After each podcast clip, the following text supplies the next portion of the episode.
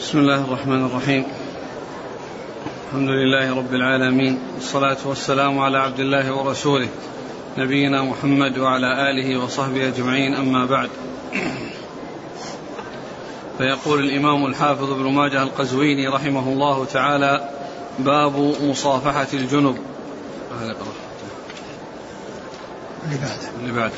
قال رحمه الله تعالى باب المني يصيب الثوب.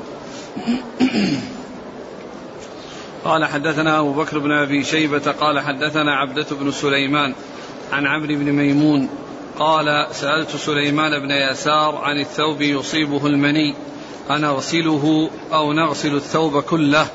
قال سليمان قالت عائشة رضي الله عنها كان النبي صلى الله عليه وسلم يصيب ثوبه فيغسله من ثوبه ثم يخرج في ثوبه إلى الصلاة.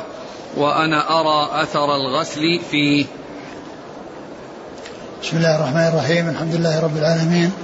وصلى الله وسلم وبارك على عبده ورسوله نبينا محمد وعلى آله وأصحابه أجمعين. أما بعد فيقول الإمام ماجه باب في المني يصيب الثوب. يعني هل يغسل؟ وهل هو نجس أو ليس بنجس؟ المني ليس بنجس. ويدل على عدم نجاسته الأحاديث التي ستأتي وفيها فرقه وفيها فرقه وعدم غسله إذا كان يابسا لأنه لو كان نجسا ما يكفي فيه الفرق بل لابد فيه من الغسل. ولكنه يغسل يعني إذا كان رطبا ويغسل المكان الذي هو فيه. وذلك من أجل أن المنظر الذي يكون فيه وتركه يعني فإزالته وغسل وغسله حتى لا يبقى ذلك المنظر يعني الذي هو وجود المني يعني رطبا يعني يرى ويشاهد فإنه يغسل من أجل إزالته. ولا يعني ذلك غسله أنه لأنه نجس بل لإزالة هذا الأثر الذي لا يحسن أن يراه الناس. على هيئته. وهذا مثل المخاط وغيره يعني لو كان على الثوب فإنه يغسل لا لنجاسته ولكن لإزالة الأثر الذي لا لا يستحسن وجوده ولا يستحسن بقاؤه ف ف آه، عائشة رضي الله عنها سئلت عن ذلك فقالت كان النبي صلى الله عليه وسلم يكون في ثوبه المني فيعني يغسله أو تغسله يعني لإزالة ذلك الأثر وثم يذهب ويصليه وإن أثر البقعة. يعني معناه البقعة التي حصل غسلها والتي كان فيها المني الرطب الذي غسل يعني أثرها بين أثر الماء. يذهب أثر يعني معناها غسل حديث غسل عند عند ذهابه إلى الصلاة. يعني لإزالة ذلك الأثر الذي لا يحسن لا يحسن النظر إليه. نعم.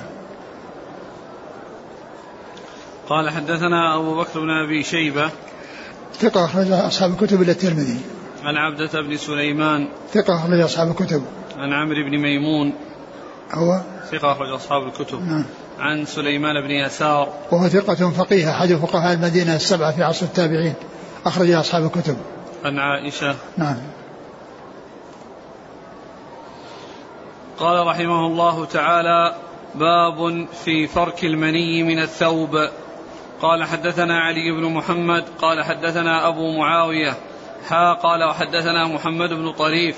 قال حدثنا عبدة بن سليمان جميعا عن الأعمش عن إبراهيم عن همام بن الحارث عن عائشة رضي الله عنها أنها قالت ربما فركته من ثوب رسول الله صلى الله عليه وسلم بيدي ثم ذكر باب فرك المني.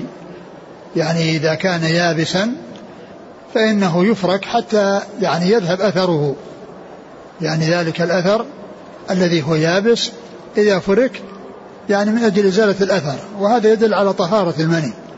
لأنه لو كان المني نجسا ما يكفي فيه الفرق لابد فيه من الغسل. لابد فيه من الغسل.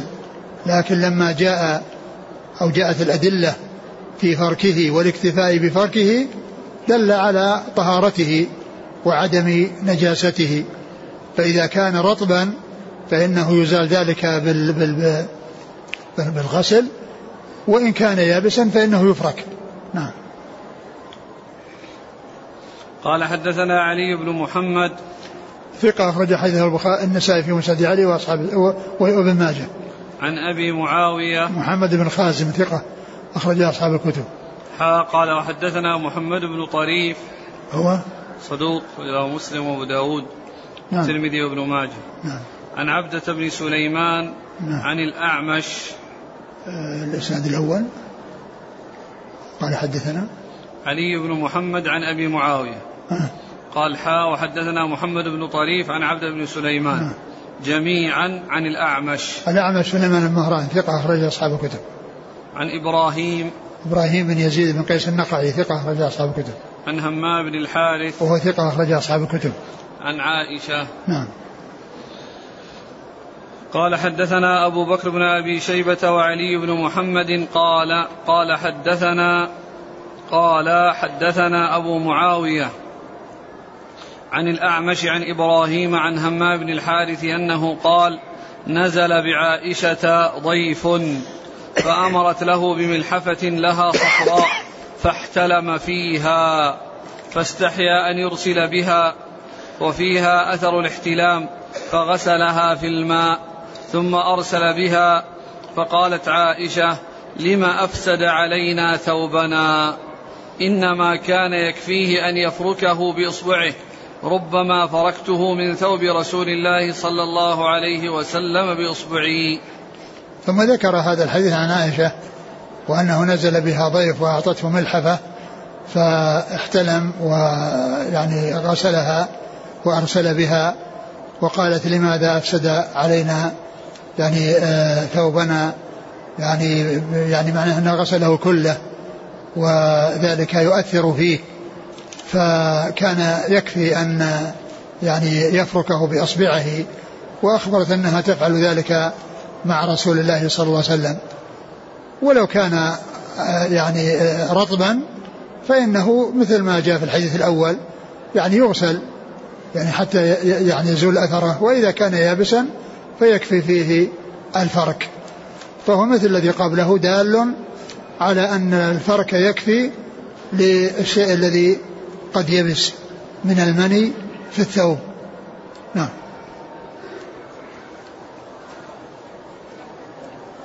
قال حدثنا أبو بكر بن أبي شيبة وعلي بن محمد عن أبي معاوية عن الأعمش عن إبراهيم عن همام بن الحارث عن عائشة.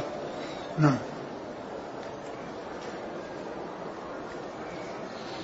قال حدثنا أبو بكر بن أبي شيبة قال حدثنا هشيم عن مغيرة عن إبراهيم عن الأسود عن عائشة رضي الله عنها أنها قالت لقد رأيتني أجده في ثوب رسول الله صلى الله عليه وسلم فأحته عنه. ثم آه ذكر حديث عائشة أنها كانت تجده يعني المني فتحته عنه. يعني إذا كان شيئا يعني ظاهر وبارز تحته عنه يعني تحكه حتى يتساقط. وإن كان يعني آه مخالطا للثوب فإنه يفرك حتى يزول الأثر. نعم. قال حدثنا أبو بكر بن أبي شيبة عن هشيم هشيم بن بشير ثقة أخرج أصحاب الكتب. عن مغيرة المغيرة بن مقسم الضبي وهو ثقة أخرج أصحاب الكتب. نعم. عن إبراهيم عن الأسود. الأسود هو ثقة أخرج أصحاب الكتب. عن عائشة. نعم.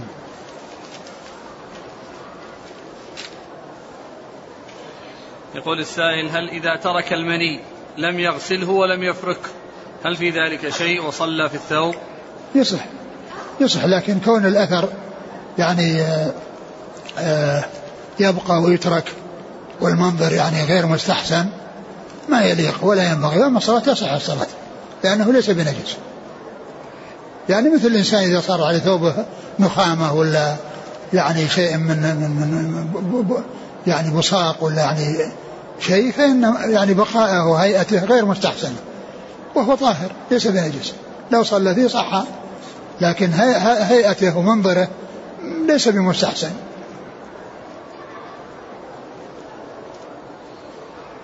يقول هل يؤيد قول القائلين أن النجس أن المني نجس ولكن خفف في تطهيره؟ يؤيد ذلك ما ثبت حسا أن المني إذا خرج يخرج معه المذي لا محالة. ثبت ذلك طبيا. آه، أقول مثل هذا الكلام لا قيمة له. لأن الذي جاء أن المني يكون في الثوب ويكفي فيه الفرق ولا يحتاج إلى غسل إلا إذا كان رطبا من أجل إزالة هذا المنظر. وأما إذا فرك وانتهى فإنه ينتهي. ولا يقال إنه يعني إنها لأن المذي كما هو معلوم يعني شيء آه، يكون غير المني عند مداعبة وعند ملاعبة. وأما المذي المني فإنه يحصل عند دفق وبلده نعم. هذه فائدة من شرحكم لجامع الترمذي. عند هذا الحديث ذكرتم أن الشيخ أحمد شاكر سمى هذا الضيف وهو عبد الله بن شهاب الخولاني. قال رحمه الله تعالى باب الصلاة في الثوب الذي يجامع عبد الله بن شهاب الخولاني نعم. نعم. قال رحمه الله تعالى باب الصلاة في الثوب الذي يجامع فيه قال حدثنا محمد بن رمح قال أخبرنا الليث بن سعد عن يزيد بن أبي عن يزيد بن أبي حبيب عن سويد بن قيس عن معاوية بن حديج عن معاوية بن أبي سفيان رضي الله عنهم أنه سأل أخته أم حبيبة رضي الله عنها زوج النبي صلى الله عليه وسلم. هل كان رسول الله صلى الله عليه وسلم يصلي في الثوب الذي يجامع فيه؟ قالت نعم إذا لم يكن فيه أذى. ثم ذكر حديث أم حبيبة رضي الله عنها باب باب الصلاة. في الثوب الذي يجامع باب فيه. الصلاة في الثوب الذي يجامع فيه. يعني أن الصلاة أن الثوب الذي يجامع فيه الإنسان يعني فإن الصلاة فيه صحيحة لأنه ما حصل ما حصل له نجاسة. ولو صار حصل له شيء من المني فالمني ليس بنجس. لكنه يعني يزيل يعني ذلك الأثر يعني إما بغسله إن كان رطبا وإما بفركه إن كان يابسا كما تقدم ذلك في الأحاديث الصحيحة. ولا يعني ذلك أن أنه يترك ويعني ولا يحك ولا يفرك ولا يعني يغسل إذا كان رطبا لأن المقصود لأن ليس المقصود من هذا إزالة النجاسة وإنما هو إزالة المنظر مثل ما يكون الإنسان عليه نخامة وعلى هذا فإنه لا يتركها على ثوبه ولا تركها صحت الصلاة لأنه ما صلى بشيء نجس. فكذلك الثوب الذي يجامع فيه لا لا مانع من الصلاة فيه. وإن أصابه مني فإنه إن, آه، آه، إن كان رطبا آه، غسل أثره وإن كان يابسا فرك وكفى. فقال إذا لم يكن يعني معناه أن, أن, أن الآثار التي عليه لا يتركها. بل إما أن تغسل وإما أن تفرك كما مر ذلك في الأحاديث الصحيحة. نعم. قال حدثنا محمد بن رمح. هو المصري وهو ثقة أخرج حديثه. مسلم وابن ماجه. نعم. عن الليث بن سعد. ثقة أخرج أصحاب الكتب. عن يزيد بن أبي حبيب. ثقة أخرج أصحاب الكتب. عن سويد بن قيس. وهو؟ ثقة أخرج أبو داود والنسائي بن ماجه. نعم. عن معاوية بن حديج وهو؟ صحابي أخرج له البخاري المفرد. وأبو داود والنسائي بن ماجه. نعم. عن معاوية بن أبي سفيان. أخرج له أصحاب الكتب. عن أم حبيبة. أم حبيبة آه، أم المؤمنين أخرجها أصحاب الكتب. واسمها رملة بنت أبي سفيان مشهورة بكنيتها أم حبيبة. يقول هل فيه دليل على أن المجامع لا يتجرد؟ آه، يعني يدل على أن الرسول صلى الله عليه وسلم أنه كان يستعمل ثوبه أنه يستعمل ثوبه وأنه أنه يجامع في ثوبه ولا شك أن هذا هو الذي ينبغي. قال حدثنا هشام بن خالد الأزرق قال نعم. قال حدثنا الحسن بن يحيى الخشني. قال حدثنا زيد بن واقد عن بش عن بسر بن عبيد الله عن أبي إدريس الخولاني عن أبي الدرداء رضي الله عنه أنه قال خرج علينا رسول الله صلى الله عليه وعلى آله وسلم ورأسه يقطر ماء فصلى بنا في ثوب واحد متوشحا به قد خالف بين طرفيه فلما انصرف قال عمر بن الخطاب يا رسول الله تصلي بنا في ثوب واحد؟ قال نعم أصلي فيه وفيه أي قد جامعت فيه. وهذا يدل على ما دل عليه الذي قبله وأن الرسول صلى الله عليه وسلم كان يصلي بالثوب الذي يجامع فيه يصلي بالثوب الذي يجامع فيه. وفيه الصلاة بالثوب الواحد وأنه يكفي إذا كان ساترا إذا سواء كان قميصا أو قطعة من القماش يلتحف بها ويلتف بها فإن هذا يقال له ثوب. يعني قطعة من القماش يلتحف بها ويلفها على نفسه ويجعل أطرافها على كتفيه. فهذا من الألبسة وهذا من الثياب. و وقد بين صلى الله عليه وسلم في هذا الحديث أنه أيضا كونه يجامع فيه وهو مثل الذي قبله في حديث حبيبة. نعم. قال حدثنا هشام بن خالد الأزرق هو؟ صدوق في أبو داود بن ماجه. نعم. عن الحسن بن يحيى الخشني وهو؟ صدوق كثير الغلط نعم. له أبو داود في المراسيل وابن ماجه. نعم. عن زيد بن واقد وهو ثقة أخرج البخاري وأبو داود والنسائي وابن ماجه. نعم. عن بسر بن عبيد الله. وهو ثقة أخرج له. أصحاب الكتب. نعم. عن أبي إدريس الخولاني. ثقة أخرج أصحاب الكتب. عن أبي الدرداء. آه عويمر رضي الله عنه أخرج له أصحاب الكتب. قال حدثنا محمد بن يحيى قال حدثنا يحيى بن يوسف الزم الزمي. حا قال وحدثنا أحمد بن عثمان بن حكيم. قال حدثنا سليمان بن عبيد الله الرقي قال حدثنا عبيد الله بن عمرو عن عبد الملك بن عمير عن جابر بن سمرة رضي الله عنهما أنه قال سأل رجل النبي صلى الله عليه وسلم يصلي في الثوب الذي يأتي فيه أهله؟ قال نعم إلا أن يرى فيه شيئا فيغسله. ثم ذكر يعني هذا الحديث عن عن عن جابر بن عن جابر بن سمر رضي الله عنهما أنه سئل عن صلاته في الثوب الذي يجامع فيه أهله فقال نعم إلا أن يرى فيه شيئا فيغسله. إلا أن يرى فيه شيئا فيغسله. هذا يحمل على ما تقدم من الأحاديث من أنه إذا كان رطبا يغسل لإزالة الأثر الذي لا ينبغي أن يرى يعني يراه الناس وإن كان رطبا فإنه يفرك. ولا يعني ذلك أنه آه، نجس لأن تلك الأحاديث آه، مفسرة وموضحة للمراد بالغسل. نعم. قال حدثنا محمد بن يحيى. الذهلي ثقة أخرج البخاري وأصحاب السنن. عن يحيى بن يوسف الزمي. هو؟ ثقة أخرج البخاري وابن ماجه. حا قال وحدثنا أحمد بن عثمان بن حكيم. وهو؟ ثقة أخرج البخاري ومسلم والنسائي بن ماجه. نعم. عن سليمان بن عبيد الله الرقي. وهو؟ صدوق ليس بالقوي أخرج له الترمذي وابن ماجه. نعم. عن عبيد الله بن عمرو. وهو؟ ثقة ربما وهم أخرج له أصحاب الكتب. نعم. عن عبد الملك بن عمير. وهو ثقة أخرج له؟ أصحاب الكتب. نعم. عن جابر بن سمرة.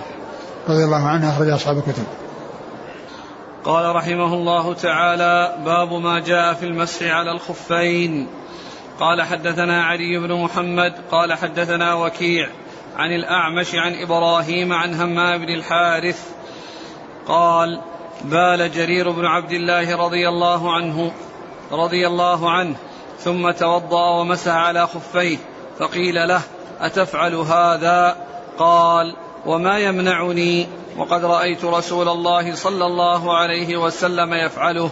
قال إبراهيم كان يعجبهم حديث جرير لأن إسلامه كان بعد نزول المائدة. ثم قال باب المسح على الخفين المسح على الخفين تواترت به الأحاديث عن رسول الله صلى الله عليه وسلم. كثرت فيه الأحاديث وتواترت عن رسول الله عليه الصلاة والسلام فهو حكم ثابت وهو بدل عن الغسل إذا كانت الرجلين قد غطيتا بالخفاف أو الجوارب فإنه يمسح يعني عليهما ولا يحتاج الأمر إلى نزعهما عند الوضوء عندما يتوضأ وعليه خفان فإنه يمسح عليهما. يمسح على ظهورهما كما جاء عن علي رضي الله عنه. لو كان الدين بالرأي لكان مسح الخف أسفل الخف أولى من أعلاه. وقد رأيت رسول الله صلى الله عليه وسلم يمسح على ظهور على على ظهور على ظهر على ظهور الخفين. ف فالاحاديث متواترة. وهذا حديث جرير رضي الله عنه هو منها. وكان إسلامه بعد نزول آية المائدة التي فيها التي فيها ذكر الوضوء وذكر التيمم. يعني إذا لم يجد الماء. ف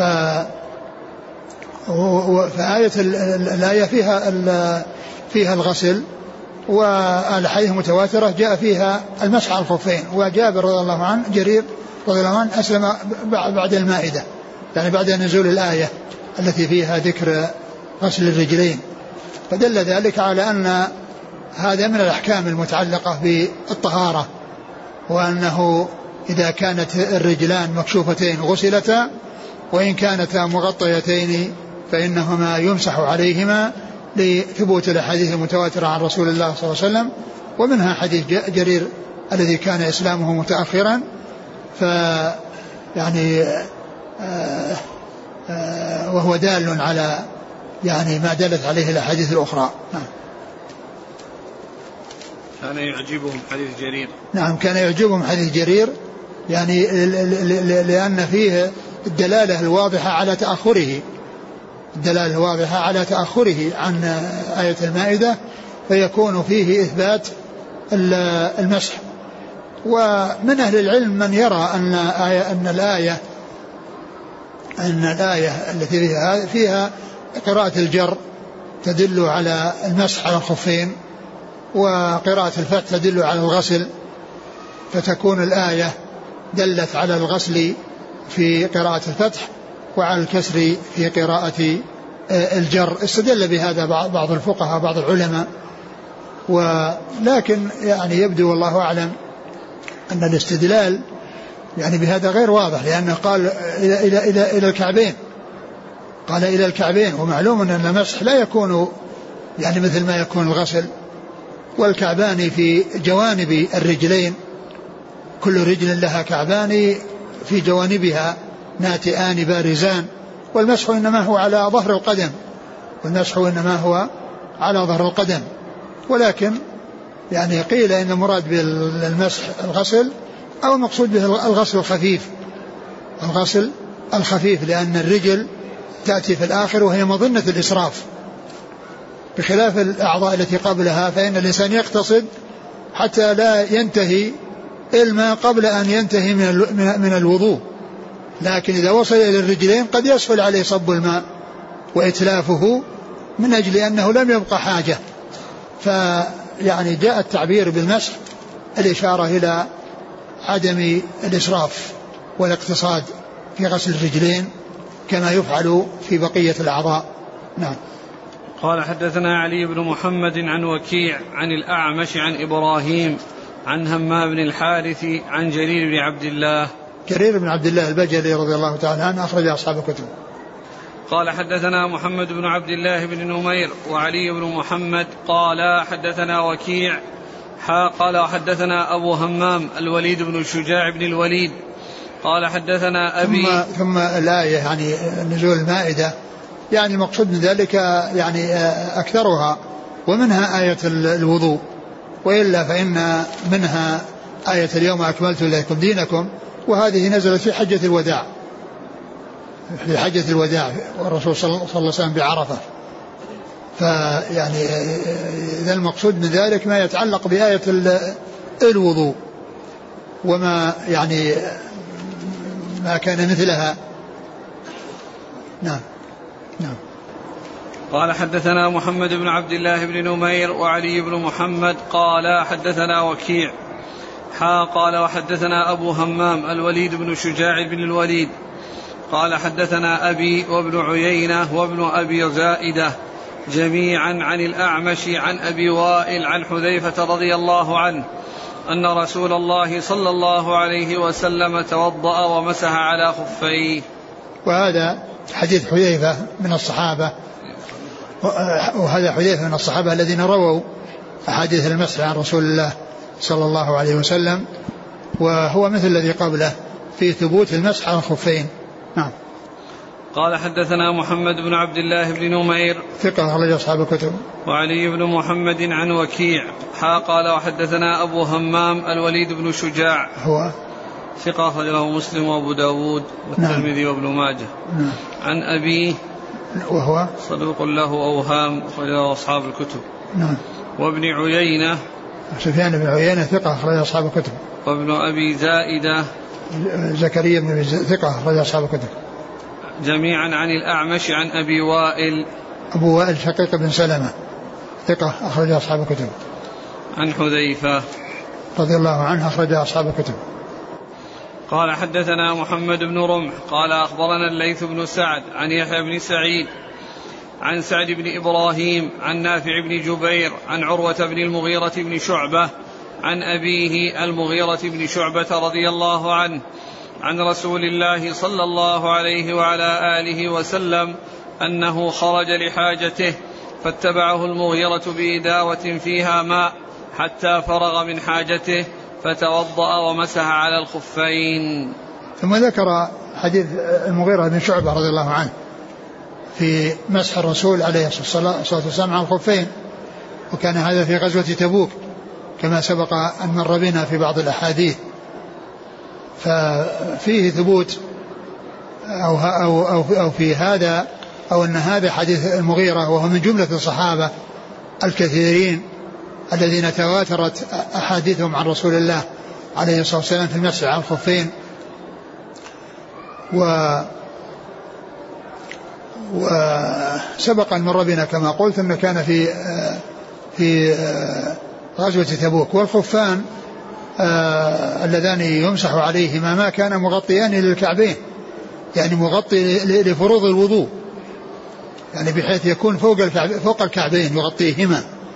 لأن المسح عوض عن الغسل والمغسول يعني هو حده الكعبان وهما والغاية داخلة في المغية فإذا يكون مكان الغسل مستور حتى يمسح عليه.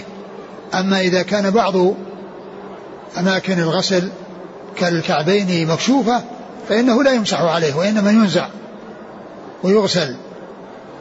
وعادة أن الخفاف تكون مغطية للكعاب.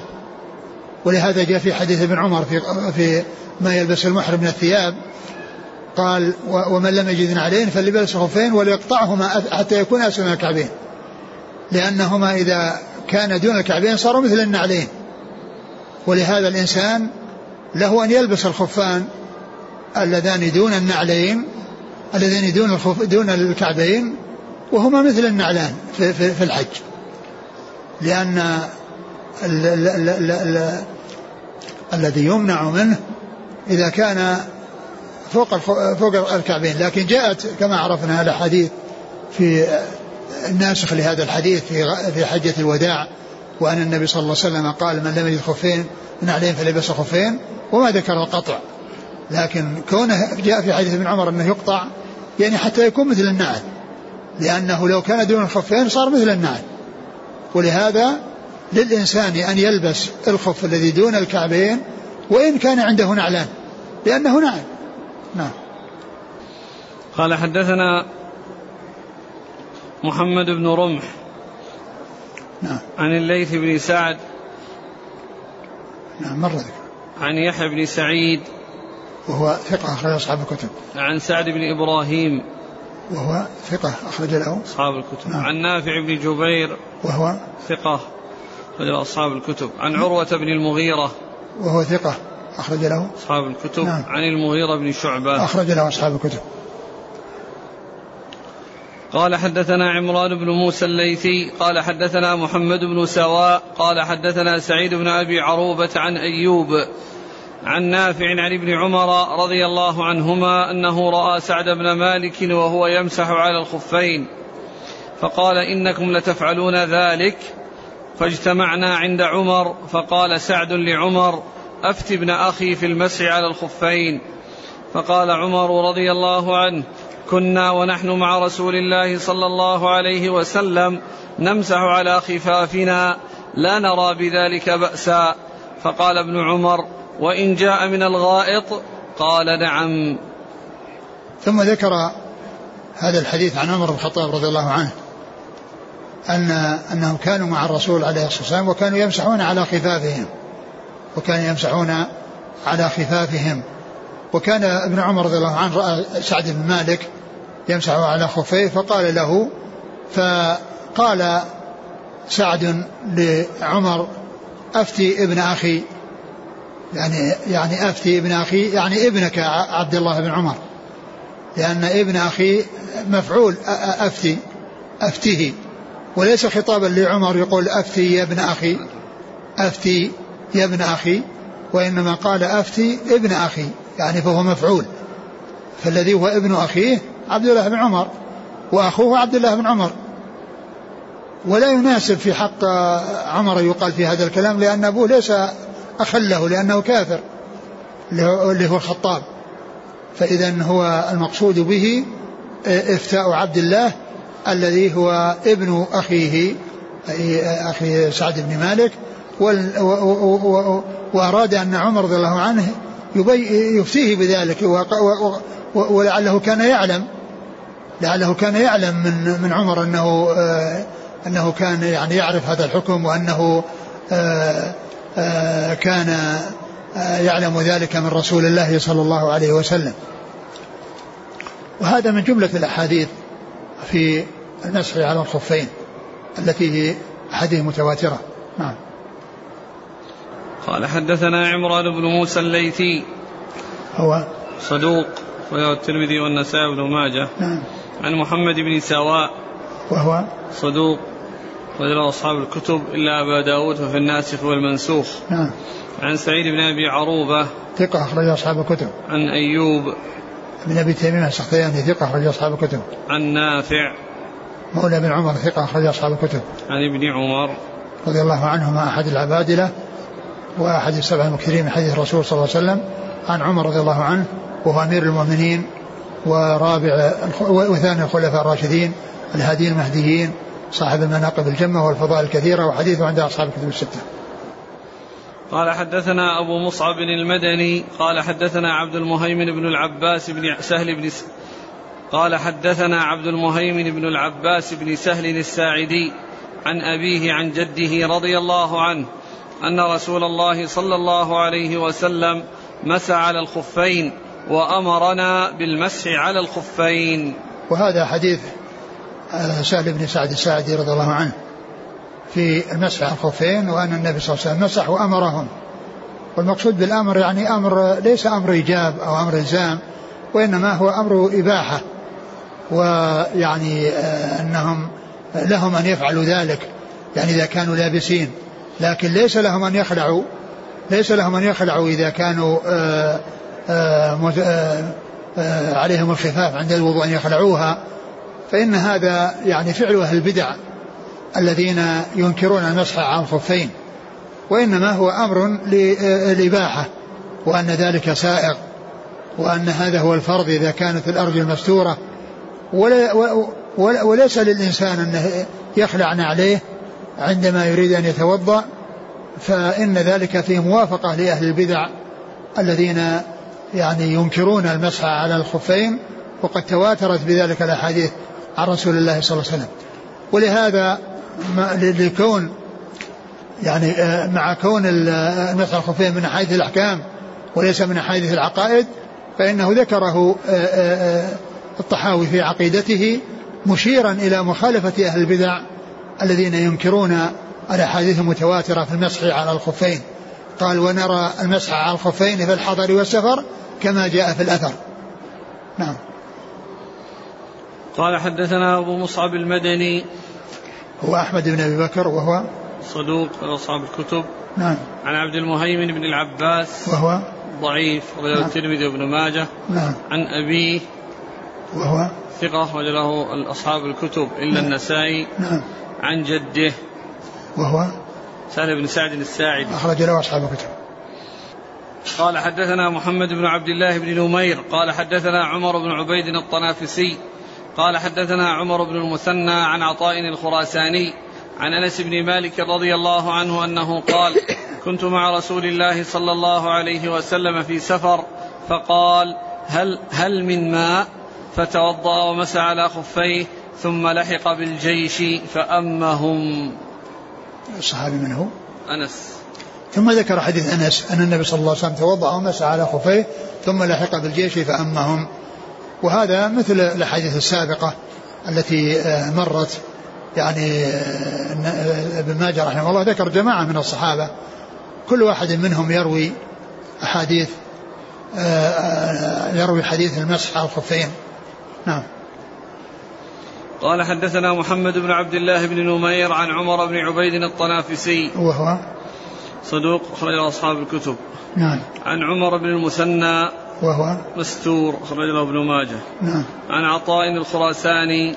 وهو صدوق يهم كثيرا أخرج له مسلم وأصحاب السنن. نعم. عن أنس بن مالك. نعم. قال حدثنا علي بن محمد قال حدثنا وكيع قال حدثنا دلهم بن صالح الكندي. عن حجير بن عبد الله الكندي. عن ابن بريدة عن أبيه رضي الله عنه أن النجاشي أهدى للنبي صلى الله عليه وسلم خفين أسودين ساذجين فلبسهما ثم توضأ ومسح عليهما. ثم ذكر هذا الحديث عن بريدة. عن بريدة بن الحصيب رضي الله عنه أن النجاشي أهدى للرسول صلى الله عليه وسلم خفين أسودين ساذجين يعني يعني ليس فيهما آه، ألوان أخرى يعني لونهما واحد أسودان يعني خالصان في السواد ساذجين يعني ليس يعني هذا السواد مخلوط بلون آخر فلبسهما ومسح عليهما. فهذا من جملة أحاديث آه، المسح على الخفين المتواترة عن رسول الله صلى الله عليه وسلم. قال حدثنا علي بن محمد عن وكيع عن دلهم بن صالح الكندي. وهو ضعيف. أبو داود والترمذي وابن ماجه. نعم. عن حجير بن عبد الله الكندي. وهو مقبول له أبو داود والترمذي وابن ماجه. نعم. عن ابن بريدة. وهو عبد الله بن بريدة ثقة أخرج أصحاب الكتب. عن أبي عن أبيه. بريدة بن الحصيب أخرج له أصحاب الكتب. في التقريب حجير بن عبد الله الكندي. نعم. قال مقبول من الثامنة. لا من الثامنة؟ نعم. وهو يروي عن من؟ عن ابن بريدة عبد الله بن بريدة. لا ما يكون من الثامنة يعني عبد الله بن بريدة تابعي فيمكن أن يكون من الثالثة. يعني أقرب أقرب لفظا إلى يعني الثامنة الثالثة. إن لم يكن من الرابعة. لكن من حيث التصحيف يعني الثامنة والثالثة والثانية بينهما شيء من التقارب. ولكن يعني لا يكون من الثانية. لأنها من الثامنة؟ لا الثانية نعم. اللي هي الآن في في تابعي يروي عنه. نعم. فالأقرب أنها الثالثة. أهدى لنعت خفين أسودين ساذجين. نعم. اسمع الساذج؟ يعني الذي ليس له لون آخر يخالطه.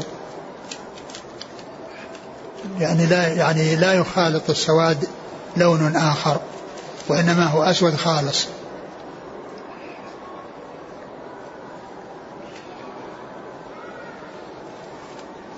يقول السائل نرجو ذكر شروط المسح على الخفين.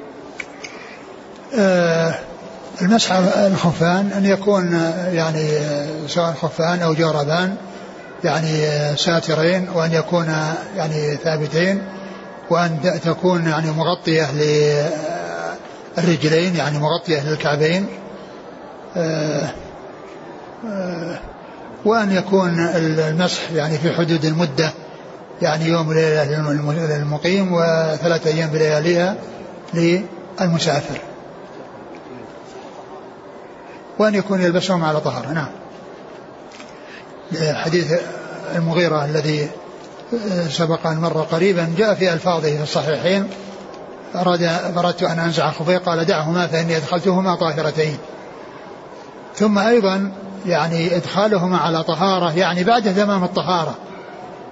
يعني فليس له أنه إذا غسل الرجل اليمنى يدخل الخف أو قبل أن يغسل اليسرى لأنها ما تمت الطهارة وإنما يكون لبسهما جميعا بعد تمام الطهارة. فلا يلبس الخف الرجل اليمنى قبل أن يغسل اليسرى. لأنه لا يعتبر متوضي ولا يعتبر يعني حصلت له الطهارة إلا إذا غسل رجله اليسرى. فأيضا أيضا لابد من أن يكون بعد تمام الطهارة. يعني لبسهما بعد تمام الطهارة بأن يكون غسل الرجلين جميعا. نعم. يقول وما هي الطريقة الصحيحة في البث؟ هل يلزم البداية من أطراف الأصابع نعم وأن يعني يستوعب كل ظهر الرجل؟ لا ما يستوعبها وإنما من أطراف الأصابع إلى يعني الشروع في الساق. يقول مس في إنكار الخوارج للمسح على الخفين. ما أدري. هل يكون كذلك المسح في وقت واحد؟ يعني اليمين نعم يعني سائغ أن يكون يعني في وقت واحد في اليدين وأن يكون كل واحدة على حدة. يعني يعني تمسح اليمنى ثم تمسح اليسرى أو تمسح اليسرى ثم اليمنى لأن كما عرفنا الترتيب بين الغسل بين الرجل اليمنى واليد اليسرى يعني سائغ ولكن الأولى أن يكون البدء باليمنى وإلا لو قدمت اليسرى على اليمنى في الغسل فإنه يصح بالإجماع كما سبق أن عرفنا ذلك. لأن الترتيب بين الرجلين يعني كونه يبدأ باليمنى ويختم باليسرى هذا هو المستحب وهذا هو الأصل. لكن لو عكس فإن وضوءه صحيح لأنه قد أجمع العلماء على ذلك. يقول توضأت ومسحت على الخفين ثم احتجت لخلعهما فهل يبطل وضوئي بذلك؟ إذا كان أنه ما مسح ما يبطل إذا كان على وضوءه ما أحدث فهو كأنه لم يلبسهما. وأما إن كان قد أحدث فإنه ينت... يعني لابد إذا أراد أن يلبسهما لابد أن يكون على طهارة. لأنه لابد من إدخالهما على طهارة بشرط المسح أن يكون أدخلهما على طهارة. وهذا لم يدخلهما على طهارة. لأنه إذا كان قد أحدث وخلعهما فهو سيدخلهما. فإدخالهما لابد أن يكون على طهارة. لكن إن كان لم يحدث فالأمر في ذلك واسع. يعني سواء يلبسهما بعد الحدث بعد ألو بعد الوضوء مباشرة أو يلبسهما بعد مدة ما دام أنه على طهارة. ما دام أنه على طهارة. فلو أنه توضأ مثلا في الصباح وبقي على وضوءه له أن يلبسهما في الظهر. له أن يلبسهما في الظهر. لأن من شرط اللبس أن يكون على طهارة لكن ليس من شرطه أن يكون واليا أو تابعا للوضوء. المهم أن يكون على طهارة. لا هذا يا شيخ الصورة. هل من مبطلات المسح الخلع؟ نعم إذا كان أنه قد أحدث فهم مبطلاته. توضأ ومسح عليهما. أي نعم يعني ولما جاء إلى المسجد خلعهما. أي نعم. ودخل المسجد حافظ. أي نعم يعني هذا عليه أن يتوضأ عليه أن يتوضأ ويغسل رجليه ويصلي أو يلبس خفيه بعد لأن مجرد يعني خلعه لهما يعني آه، يبطل أثر آه، المسح لأن المسح وفائدته ما دام موجودين. أما إذا ذهب فالأصل يرجع إلى الأصل الذي هو الغسل. يقول هل يجوز الوضوء ثم دهن الأقدام بالدهن ثم لبس الخفين؟ كيف؟ توضأ ثم دهن رجليه بالدهن إيه؟ ثم لبس خفيه إيه؟ ما إيش المانع؟ حائل من موانع وصول الماء. لا بس الكلام على هو الآن توضأ. يعني الآن توضأ يعني مو رايح سيتوضأ عليه. نعم. جاءت أسئلة إذا كان قد لبس أكثر من خف أو أكثر من جورب الحكم للفوقاني أو للتحتاني والله الذي يبدو أنه إذا كان أنها يعني كلها ساترة فإن الحكم لأي واحد منهما للموجود عند الوضوء. للموجود عند الوضوء يمسح عليه. ولو خلع أحدهما والرجل مستورة فإنه يمسح على الموجود عند عند الوضوء. ليس من شرط أنه يعني إذا لبس خفين أو جوربين ثم نزع أحدهم ومسح على واحد منهما ثم نزعه فإنه آه، يعتبر النزع آه، ما يمسح عليه لأن الرجل مستورة. فيمسح على الشيء الموجود ما دام أنه ساترا. الآن توجد خفاف دون الكعبين. يلبسها البعض فوق الجوربين فيكون لابس شراب ولابس خف لكنه صغير. ومثلها الآن الحذاء لابس شراب ولابس حذاء دون الكعبين. فالسؤال هل يصح المسح على الخف القصير؟ الذي يعني تحته جور كبير. أقول مثل هذا مثل الذي يلبس الخفاف التي هي دون الكعبين وهو يمسح على يمسح على الجوارب. فإنه مثل النعل يخلع النعل ويمسح. وكذلك يخلع الخف ويمسح. وإنما المسح على على شيء ساتر للكعبين. هذا هو الذي يمسح عليه. قال رحمه الله تعالى باب في مسح أعلى الخف وأسفله. قال حدثنا هشام بن عمار قال حدثنا الوليد بن مسلم قال حدثنا ثور بن يزيد عن رجاء بن حيوة عن وراد كاتب المغيرة بن شعبة عن المغيرة بن شعبة رضي الله عنه أن رسول الله صلى الله عليه وسلم مسح أعلى الخف وأسفله. ثم ذكر حديث باب باب في مسح أعلى الخف وأسفله. باب في مسح أعلى الخف وأسفله. يعني المسح إنما يكون لأعلى الخف وهو الذي جاء عن علي رضي الله عنه وقال لو كان الدين بالرأي لكان مسح أسفل الخف أولى من أعلاه وقد رأيت يمسح على ظهور على ظهور على على ظهور قدميها وعلى ظهور الخفين.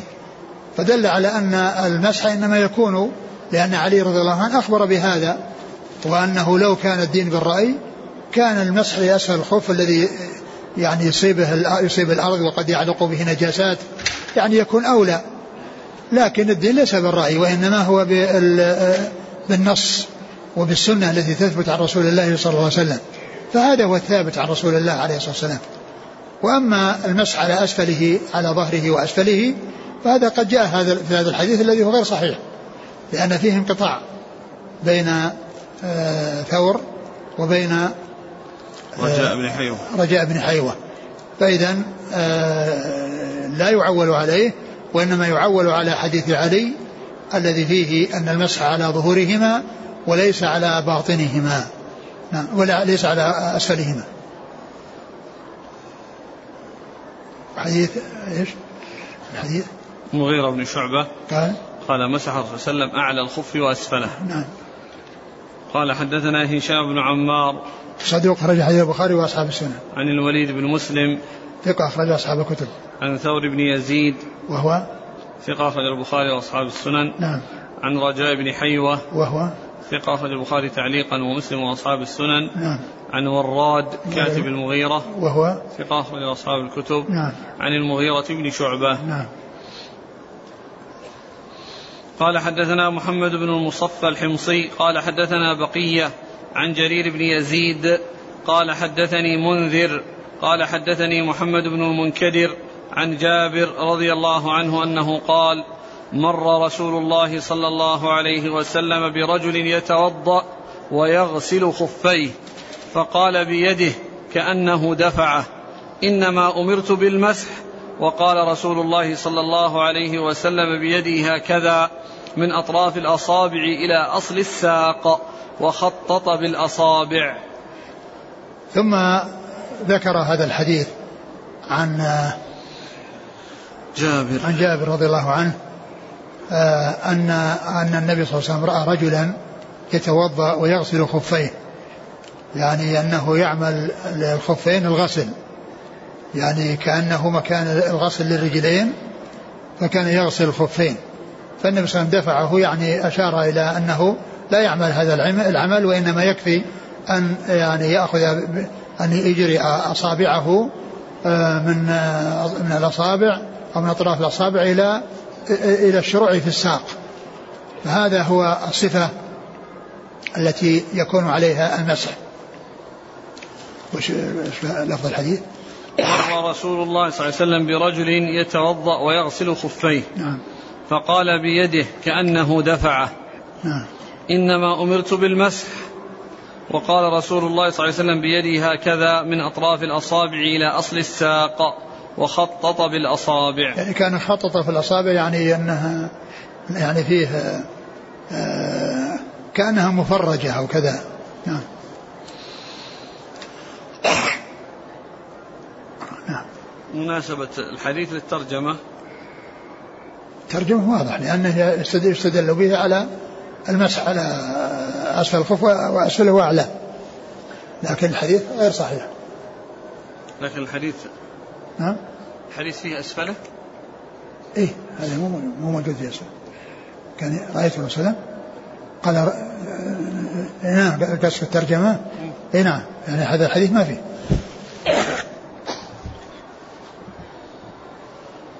ليس فيه ذكر الأسفل يعني هذا الحديث وإنما فيه ذكر الغسل فقط. يعني هذا الحديث ذاك الحديث هو الذي فيه الأسفل والأعلى ولكن هذا الحديث ليس فيه إلا الغسل والغسل كما هو معلوم يكون للأسفل والأعلى. يكون لأسفله ولأعلاه الرسول صلى الله عليه وسلم أشار إلى اكتساب المسح وأنه يكون بهذه الطريقة.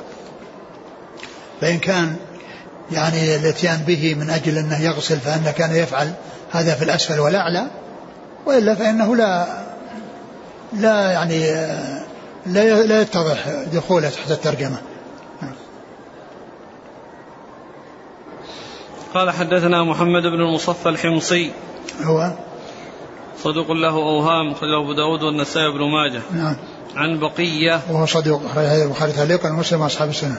عن جرير بن يزيد. وهو؟ ضعيف خرجه نعم. النسائي بن ماجه. نعم. عن منذر. وهو؟ مجهول خرجه نعم. ابن ماجه. نعم. عن محمد بن المنكدر. ثقة أخرج أصحاب الكتب. عن جابر. نعم. في حاشية الشيخ علي حسن يقول هذا حديث من الزوائد كما في تحفة الأشراف ولم يرده البوصيري في مصباح الزجاجة. نعم يعني يعني كان لأنه ما رواه بقية الخمسة. وأن الشيخ الألباني حكم عليه ضعيف جدا. يعني من أجل الانقطاع. أجل؟ الانقطاع. فين الانقطاع؟ هذا اللي في الحديث؟ لا من أجل جري من أجل لا مو الانقطاع ذاك؟ الانقطاع اللي سبق أن مر. هذا حديث إيش؟ هذا الإسناد هذا مر بنا واحد ضعيف. إيه بس ضعيف يصير ضعيف جدا. إيه اللي هو؟ إيه. فيه جرير بن عبد الله جرير بن يزيد ضعيف إيه نعم. ومنذر مجهول. نعم. ما أدري يعني هو ضعيف جدا يعني في الغالب إنه يتابع لمن يكون متروك. هذا هو الذي يعني يقال فيه. يقطع علينا المؤذن. باب. قال رحمه الله تعالى باب ما جاء في التوقيت في المسح للمقيم والمسافر. قال حدثنا محمد بن بشار. قال حدثنا محمد. نعم. قال رحمه الله تعالى باب ما جاء في التوقيت في المسح للمقيم والمسافر. قال حدثنا محمد بن بشار. قال حدثنا محمد بن جعفر. قال حدثنا شعبة عن الحكم. قال سمعت القاسم بن مخيمرة عن شريح بن هانئ قال سألت عائشة رضي الله عنها عن المسح على الخفين فقالت ائت عليا فسله فإنه أعلم بذلك مني. فأتيت عليا رضي الله عنه فسألته عن المسح فقال كان رسول الله صلى الله عليه وسلم يأمرنا أن نمسح للمقيم يوما وليلة وللمسافر ثلاثة أيام. ثم قال باب التوقيت في المسح. يعني أن المسح له أوقات معينة يكون في حدودها لا يتعداها ولا يتجاوزها وهي يوم وليلة للمسافر للمقيم وثلاثة أيام بلياليها للمسافر. وفرق بين المسافر والمقيم لأن المسافر عليه مشقة يعني أكثر من المقيم. من جهة استعمال الماء ومن تحصيل الماء فيكون يعني في ذلك تخفيف يعني عليه وأيضا كذلك النزع يعني الخلع والنزع فيكون المسافر آه، زيد في مدته آه، بحيث كانت آه، ضعفي ما كان للمقيم. وهذه المدة من العلماء من قال تبدأ من الحدث. يعني أنه يبدأ يحسب إذا أحدث. ومنهم من قال إنه من المسح. ومنهم من قال إنه مسح إنه يعني من حيث يبدأ يمسح من حيث بدأ بالمسح. يعني آآ آآ آآ فتكون المدة تبدأ من المسح. والأحاديث جاءت في ذكر المسح وأنه يمسح ثلاث أيام يعني بلياليها يعني يعني يمسح يوم وليلة فيكون البداية من المسح. إذا بدأ يمسح يعني يحسب من المسح. فيكون مدة مسحه آآ آآ آآ يوم وليلة بالنسبة للمقيم وثلاثة أيام بليلة المسافر. وقد أورد حديث علي رضي الله عنه وقد جاء شريح بن هاني إلى أم المؤمنين عائشة رضي الله عنها يسألها عن المسح وعن مدة المسح فقالت ائتي ائتي عليا فاسأله فإنه أعلم مني. يعني بذلك وذلك أن عليا كان يسافر مع النبي صلى الله عليه وسلم وأن هذا يتعلق بالسفر يعني كثيرا فلكونه كان يسافر معه أرشدت إلى الذهاب إليه وسؤاله. وهذا يدلنا على فضل أصحاب الرسول صلى الله عليه وسلم وأن الإنسان إذا كان غيره أعلم منه في شيء وسئل فإنه يدل إلى ذلك الذي هو أعلم منه ويرشد إلى سؤاله حيث يعني يكون عنده علم بالجواب أو تمكن من العلم بالجواب. وفيه أيضا يعني بيان ما كان عليه أصحاب الرسول صلى الله عليه وسلم مع أهل البيت وتوقيرهم وأن وأن أمهات المؤمنين وكذلك أصحاب الرسول صلى الله عليه وسلم يعرفون لأهل البيت منزلتهم. ولا وليس في نفوسهم عليهم شيء. وذلك أن أنها قالت اذهب إلى علي فاسأله فإنه أعلم مني. وهذا يدل على ما يكون ما, ما تكون عليه نفوسهم من من الوئام ومن محبة بعضهم لبعض. وليس بينهم يعني شيء من العداء وشيء من البغضاء وإنما بينهم المودة والمحبة. ولهذا فإن مثل هذا السؤال وتوجيه هذا السائل أن يسأل عليا يدل على معرفة قدر آه، من له قدر من أهل البيت ومعرفة آه، قدر من له آه، من عنده علم من أهل البيت. فإن أم المؤمنين رضي الله عنها وأرضاها أرشدت إلى الذهاب إليه وسؤاله. فذهب إليه وسأله وقال كان الرسول صلى الله عليه وسلم يأمرنا أن نمسح يوما وليلة يعني إذا كانوا إذا كانوا مقيمين وثلاث أيام يعني يعني بلياليها إذا كانوا مسافرين. فهذا يدل على آه، بيان التوقيت في حق المقيم وفي حق المسافر. بيان التوقيت في حق المقيم وفي حق المسافر وهو يوم وليلة للمقيم وثلاثة أيام بلياليها للمسافر. نعم. قال حدثنا محمد بن بشار هو بن دار ثقة أخرج أصحاب الكتب. عن محمد بن جعفر. الملقب غندر ثقة أخرج أصحاب الكتب. عن شعبة. ثقة أخرج أصحاب الكتب. عن الحكم. ابن عتيبة ثقة أخرج أصحاب الكتب. عن القاسم بن مخيمرة. وهو ثقة أخرج له. قال تعليقا ومسلم وأصحاب السنن. نعم. عن شريح بن هانئ. وهو ثقة أخرج له. البخاري المفرد ومسلم وأصحاب السنن. نعم. عن علي. علي رضي الله عنه أمير المؤمنين ورابع الخلفاء الراشدين. الهادين المهديين صاحب المناقب الجمة والفضائل الكثيرة وحديثه عند أصحاب الكتب الستة. قال حدثنا علي بن محمد قال حدثنا وكيع قال حدثنا سفيان عن أبيه عن إبراهيم التيمي عن عمرو بن ميمون عن خزيمة بن ثابت رضي الله عنه أنه قال جعل رسول الله صلى الله عليه وسلم للمسافر ثلاثا ولو مضى السائل على مسألته لجعلها خمسا. ثم ذكر أو ذكر حديث حذيفة رضي الله عنه أن النبي صلى الله عليه وسلم آه، سئل. حديث خزيمة بن ثابت. نعم. قال جعل صلى الله عليه وسلم للمسافر ثلاث أيام. ولو مضى السائل على مسألته لجعلها خمسا. يعني كأن فيه سؤال. يعني وأن النبي صلى الله عليه وسلم جعل ذلك بناء على سؤال. يعني سؤال سائل وأنه جعل يوم ثلاثة أيام يعني للمسافر. ولو آه، سئل لجعلها خمسا هذا فيه فيه نظر من جهة أنه ما يعلم. يعني هل الرسول صلى الله عليه وسلم يجعلها خمس أو لا يجعلها؟ لأن الرسول عليه الصلاة والسلام في الحديث السابق حديث علي قال أمرنا أن نفعل كذا وكذا. فهذا دليل على التوقيت. فالحديث يدل على التوقيت بالثلاث لكن الزيادة على ذلك يعني هذه آه، ظن.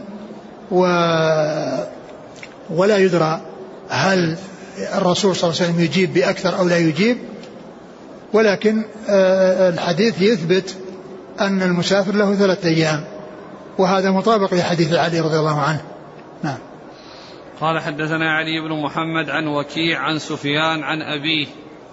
والد سفيان سعيد سعيد بن مسروق وهو ثقة ثقة. رجل أصحاب الكتب. نعم. عن إبراهيم التيمي. وهو؟ ثقة رجل أصحاب الكتب. نعم. عن عمرو بن ميمون. وهو ثقة. رجل أصحاب الكتب. نعم. عن خزيمة بن ثابت. صحابي رضي الله عنه أخرج له. مسلم وأصحاب السنن. نعم. قال حدثنا محمد بن بشار. قال حدثنا محمد بن جعفر. قال حدثنا شعبة. عن سلمة بن كهيل. قال سمعت إبراهيم التيمي يحدث عن الحارث بن سويد. عن عمرو بن ميمون. عن خزيمة بن ثابت رضي الله عنه. عن النبي صلى الله عليه وسلم أنه قال ثلاثة أيام أحسبه قال ولياليهن للمسافر في المسح على الخفين. ثم قال آه، حديث ذكر حديث خزيمة وقال ثلاث ليال ثلاث ثلاثة أيام. ثلاثة أيام قال أحسبه قال بلياليهن. والحديث الذي آه، حديث علي رضي الله عنه وضح. ما قال بلياليها الأول للمسافر ثلاثا. نعم. حديث علي؟ الحديث نعم, نعم. وللمسافر نعم. وللمسافر ثلاثة أيام كلها. نعم. وهنا قال يوم وليلة. في الأول قال يوم وليلة. المقيم يوم وليلة. نعم, نعم فهي بلياليها. يعني لأن الأيام عندما تذكر الليالي آه، يراد تدفعها الأيام. وعندما تذكر الأيام تدفعها الليالي. كما جاء في آه، آه، قصة زكريا ثلاث ليال ثلاث, ثلاث أيام إلا رمزة ثلاث ليال سوية. فجاء مرة بالثلاث ليالي يعني مع أيامها وجاء مرة بالأيام أي مع لياليها. فإنه يأتي بذكر يؤتى بذكر الليالي تتبعها الأيام ويؤتى بذكر الأيام تتبعها الليالي. ويستغنى بأحدهما عن الآخر. يستغنى بأحدهما عن الآخر. فيكون هذا من هذا القبيل. نعم. قال حدثنا محمد بن بشار عن محمد بن جعفر عن شعبة عن سلمة بن كهيل. ثقة أخرج أصحاب الكتب. عن إبراهيم التيمي عن الحارث بن سويد. وهو؟ ثقة أخرج أصحاب الكتب. نعم. عن عمرو بن ميمون عن خزيمة بن ثابت. نعم. استمر. بقي حديثان. والله تعالى أعلم وصلى الله وسلم وبارك على عبده ورسوله نبينا محمد وعلى آله وأصحابه أجمعين. جزاكم الله خيرا وبارك الله فيكم. ألهمكم الله الصواب ووفقكم للحق ونفعنا الله ما سمعنا. غفر الله لنا ولكم وللمسلمين أجمعين. سبحانك اللهم وبحمدك. أشهد أن لا إله إلا أنت.